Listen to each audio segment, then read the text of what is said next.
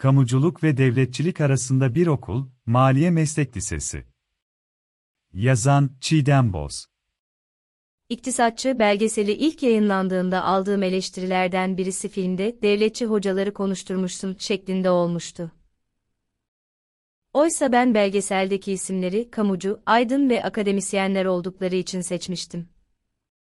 Bu eleştiri ve benim filmde vermek istediğim mesaj arasındaki tezat, kamuculuk ve devletçilik arasında yaygın bir kafa karışıklığı olduğunu düşündürdü bana. Sanırım bu kafa karışıklığının bir nedeni kamu deyince devleti anlamamızla ilgili ve bu da kamu sektörü özel sektör arasındaki kavramsal ayrımla bağlantılı. Örneğin, birisi kamuda çalışıyorum dediğinde devlet memuru olduğunu söylemek istiyordur. Devletçilik de kamu sektörünün yani devletin sahip olduğu iktisadi işletmeler aracılığıyla ekonomide başat aktörlerden biri olması anlamına geldiğinden sıklıkla kamuculuk ve devletçilik bir ve aynı şeylermiş gibi görülür. TDK'ya göre kamu sözcüğünün ilk anlamı, toplum, topluluk, halk ikinci anlamı, bütün iken üçüncü anlamı ise hepsi, herkes şeklinde. Mesela Yunus Emre adımız miskindir bizim şiirinde biz kimseye kin tutmayız kamu ile birdir bize derken kamu kelimesiyle herkes demek istiyor. Dolayısıyla kamu çokluk olarak ele alınabilir. Devlet ise tekçidir. Yani bu ikisi arasında bırakın yakınlığı çok önemli bir anlam farkı vardır, olmalıdır. Ve bu ikisi arasında bir ayrım yapmayarak büyük bir hata yapmış oluruz. Bir kere kamucu bakış açısı toplumsal faydayı önceleyen bir politik tutumdur. Devletçi bakış açısı ise devletin yani onu yönetenlerin ve onların yarenlerinin faydasını önceler. Devletin kamu adına eylemlerde bulunması onun kamucu olduğunu göstermez. Devlet düzenini yöneten hükümetlerin yaptığı kamu yatırımları da kamusal nitelik taşımak zorunda değildir. Bu yatırımlar toplumun tümünü değil bir azınlığın faydasını amaçladığı sürece.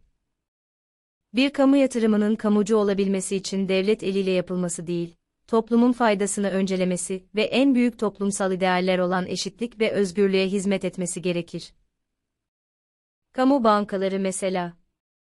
Bunlar kamunun ihtiyaçları için mi çalışıyorlar gerçekten? Çiftçinin, esnafın, küçük işletmecinin fon ihtiyacı için kurulmuş bu finansal kurumların belli başlı isimlere kredi verir hale geldiğini bilmiyor muyuz? Dahası devlet, bazılarına kamu bankalarından neredeyse bedava borç vererek kamu işletmelerini onlara vermiyor mu? Yani hem kamunun parasını hem de kamunun varlığını birilerine hediye edenlere kamucu diyebilir miyiz? Peki toplumsal faydayı önceleyen kamucu devlet olabilir mi? Mümkün ama sağ iktidarlarla değil. Sağ iktidarlarla uygulanan kamuculuk da aslında özünde bu devletlerin sol korkusundan kaynaklanır. Örneğin, kapitalizmin altın yılları diye nitelendirilen savaş sonrası yıllarda karşımıza çıkan refah devleti, yani 1945 sonrasında Avrupa'daki sosyal devlet uygulamaları SSCB korkusundan bağışık değildir ki.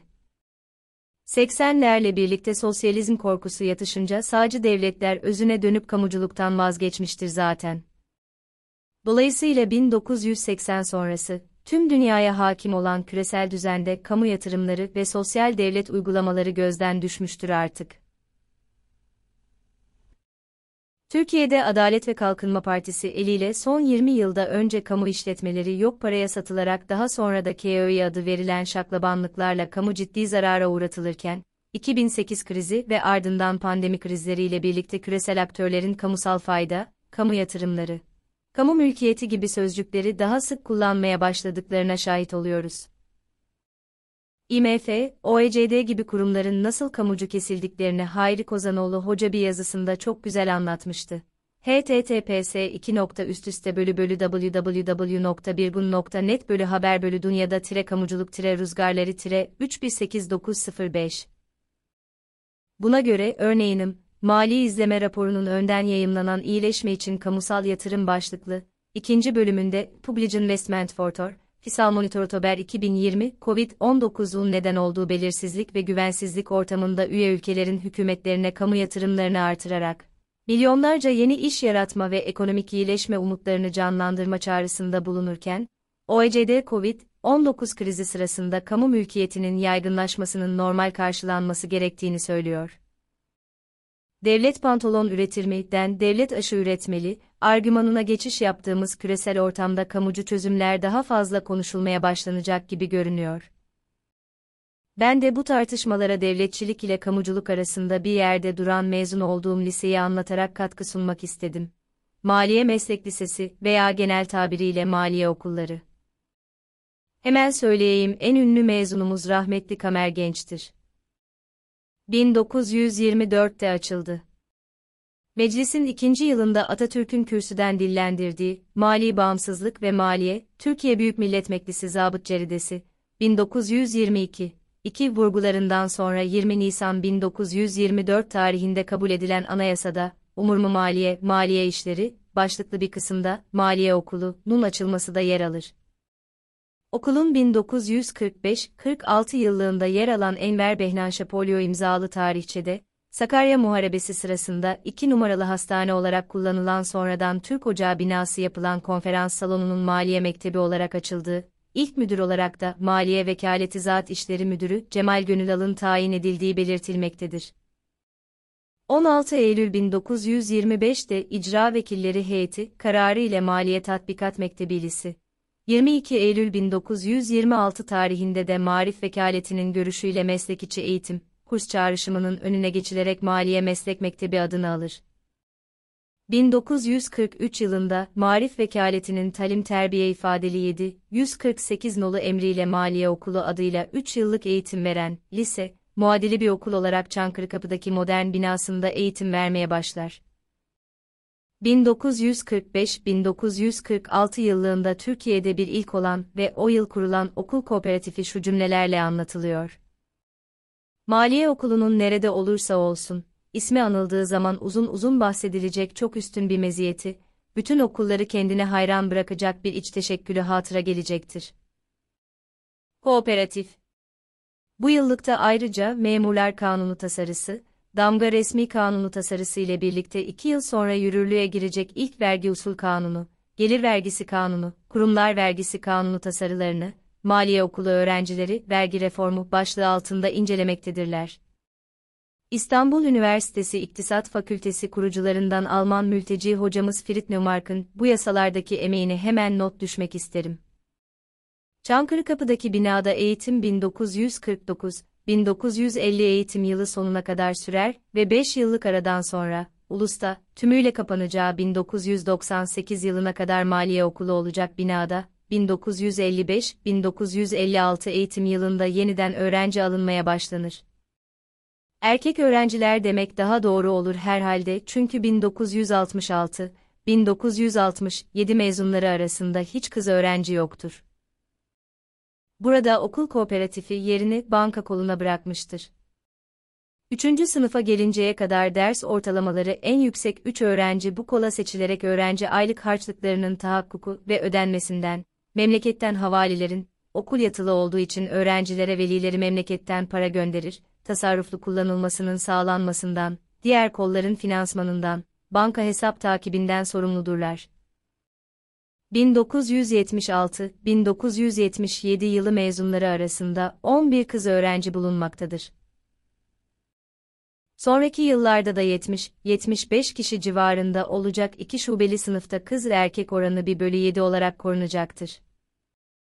Ankara'dan sonra 1977-1978 eğitim yılında Maliye Bakanlığı'nın İzmir Maliye Okulu'nu, 1978 1979 eğitim yılında da İstanbul Maliye Okulu'nu açması ise Maliye Teşkilatı'nın yetişmiş memurlara ihtiyacını gösterir.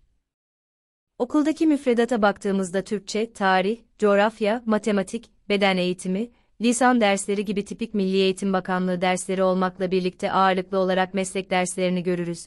Hukuk, devlet muhasebesi, vergi usul kanunu, gelir vergisi kanunu, masraf kanunları, damga vergisi, veraset ve intikal vergisi, amme alacakları, mesleki tatbikat gibi. 1985 yılında yürürlüğe giren katma değer vergisi kanunu ile 1986 1987 yılı eğitim döneminde son sınıf ders programına katma değer vergisi dersi ilave edilir.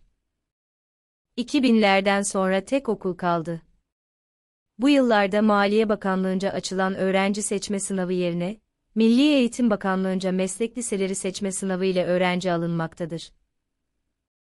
Aynı zamanda okulun adı Maliye Meslek Okulu olarak değişmiştir. Anlatıma yine de Maliye Okulu adı kullanılarak devam edilecektir. İstanbul Maliye Okulu, eğitime başladığı 1978 yılından kapandığı 1988 yılına kadar 498 mezun verir. 1996-1997 eğitim yılında, Ankara Maliye Okulu son mezunlarını verecek, ikinci sınıf ve son sınıf öğrencileri artık İzmir'de okuyacaklardır. Maliye Okulu'nda Ankara Adil Cömert, Şemsettin Ataman, Fevzi Kırbıyık, Seher Amiklioğlu ve Ataman Aydınlı, İstanbul, kurucu müdür Zeynel Eroğlu, merhum Vedat Kurtsatan, İsmail Güçlüer, Emin Kavasoğlu ve Hüseyin Canbağ, İzmir, Fehmi Salık, Ahmet Ergenç ve M. Fahri Artan okul müdürü olarak görev yapmışlardır. 2000'lere doğru Maliye Bakanlığı'nın okula ilgisinin azaldığını, İstanbul'dan sonra Ankara Maliye Okulu'nun da kapatılarak elde sadece benim mezun olduğum İzmir Maliye Meslek Lisesi'nin kaldığını söyleyebiliriz. 1992 yılında kurumlar sınavını kazanarak bu okula başladım. O zamanlar fen liselerini kazanamayan çocukların gittiği okulların başında Anadolu liseleri ve bu tür kamu meslek liseleri gelirdi. Daha önce adını bile duymadığım bu liseyi kazandığım haberi gelince, eğitimin içerinden çok uzak olmama rağmen yatılı okul macerası iyi olur diye gitmeye karar vermiştim. Muhtemelen o yaz yatılı okulda geçen bir roman okumuştum. Babam ise yazarlık, yönetmenlik gibi uçuk hayalleri olan kızını devlet kapısına atmanın yolunu bulmanın sevinci içindeydi. 17 yaşında memur olma garantisi, o dönemde Anadolu insanı için çok cazipti. Bunun yanında, parasız yatılı olması dar gelirli insanların tercih ettiği bir seçenekti. İlk iktisat dersini bu lisede almış olsam da edebiyat dışındaki okul dersleri hiçbir zaman ilgimi çekmedi. 15 yaşında çocukların vergi kanunlarını sevmesi de beklenemez zaten. Ama velekin meslek derslerimize gelen defterdar, vergi dairesi müdürleri, maliye müfettişleri ve hesap uzmanları gibi bürokratlar ufkumuzu açtı diyebilirim. Bu idealist bürokratlar, 3 yıl sonra memur olup hayata atılmayı düşünen bizlere üniversite diye bir seçeneğinde olduğunu ve memurluktan çok daha fazlasını yapabileceğimizi aklımıza soktular. Okul kütüphanesinin zenginliği, günlük gelen gazeteler, okuldaki sosyal faaliyetlerde çoğu Anadolu'dan gelmiş çocuğa farklı bir vizyon kazandırdı. Örneğin ilk defa opera ve baleye o okulda gittim, tıpkı diğer arkadaşlarım gibi. Çoğunluğu işçi, çiftçi, köylü çocuğu olan arkadaşlarım bu okul sayesinde hayatını kurtardı. Bugün okula aç giden çocukları gördükçe lise çağında olan bir çocuğun gelişimine uygun olarak hazırlanan beslenme listelerine göre çıkan yemeklerimiz aklıma geliyor ve kahroluyorum.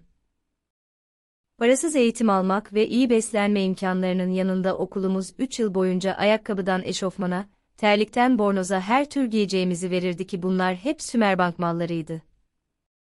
Üstüne bir de her ay cep harçlığı verilirdi. O okulda okuyan çocukların 14 yaşından itibaren ailesinden maddi destek almadan ayakta kalabilmesi başka nasıl açıklanabilir ki zaten?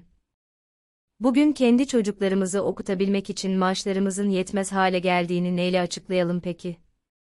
Sonraki nesillerin öncekilerden daha kötü durumda olmasını şansla, kaderle değil, o ülkede izlenen kamucu olmayan politikalarla açıklayabiliriz ancak. Hatta beceriksizlikle açıklamak da yanlış olur bunu, tam tersine bilinçli ve kasıtlı bir şekilde yok edildi kamucu eğitim politikaları. Yerinde bir imam hatip duruyor şimdi. Esasen maliye teşkilatına alt düzey memur yetiştirmek üzere kurulmuş bu okullar, ortamın uygunluğu ve öğrencilerinin azmiyle birleşerek üniversite sınavlarındaki başarı sırasında hızla üst düzeylere yükseldi. Hatta fakir ama akıllı çocuklar diye öyle meşhur olmuştuk ki İzmir'deki dershaneler bize burs verirdi. Böylece bir yandan 17 yaşında liseden mezun olan öğrenciler olarak mahkemeden çıkardığımız kazaki rüşt kararı ile devlet memurluğuna adım atarken bir yandan da üniversite okumaya devam ettik. Bu o kadar yaygınlaşmıştı ki göreve başladığımız idarelerdeki amirler, Maliye okulundan gelen memurlardan haftalık ders programı ister, ve buna göre mesai saatinde üniversitedeki derslere gitmemize izin verirlerdi. Tüm arkadaşlarım böylelikle ailesinden tek kuruş almadan üniversite bitirebildi. Maliye okulları bir anlamda mülkiyenin ön basamağı olarak da düşünülebilir. Devlete kadro yetiştirmek bağlamında. Zaten bizim lisede önce maliye, sonra mülkiye diye bir gelenek vardı ve mezunların çoğu eğitimine mülkiyede devam etti. Yani bir devletçi damardan bahsedebiliriz. Fakat yetiştirdiği toplum kesimlerine baktığımızda gerçek halk çocukları ve onların ailelerine bir fayda sunmuş oldu. Memleketin dört bir yanındaki farklı etnisite ve inançlara sahip ailelerden gelen öğrenci kitlesi bakımından çoğulcu bir öz taşıdığını da söyleyebiliriz. Özellikle 90'lı yılları düşündüğümüzde Güneydoğu'daki çocuklara tanınan bu eğitim imkanı, o güne dek gelen eşitsizlikleri telafi etmek üzere sunulmuş bir fırsat eşitliği olarak okunabilir. İşçi bir aileden gelen beş kardeşli eşim bunun en güzel örneğidir mesela. Maliye okulu mezunlarına has bir endogamide, iç evlilik, söz konusu yani. Kamucu eğitimin en güzel örneklerinden biri ve sonuncusu olan İzmir Maliye Okulu da 2001-2002 eğitim yılında öğrenci alımını durdurarak mevcut öğrencilerinin mezuniyetiyle birlikte kapandı ne yazık ki. Yerinde bir imam hatip duruyor şimdi. 2002 yılında Maliye Okulu Mezunları Derneği yönetiminin düzenlediği panelde 1960 yılı mezunumuz Kamer Genç, Maliye Okulu'nu kapatmakla Maliye Bakanlığı bindiği dalı kesiyor, diyecektir.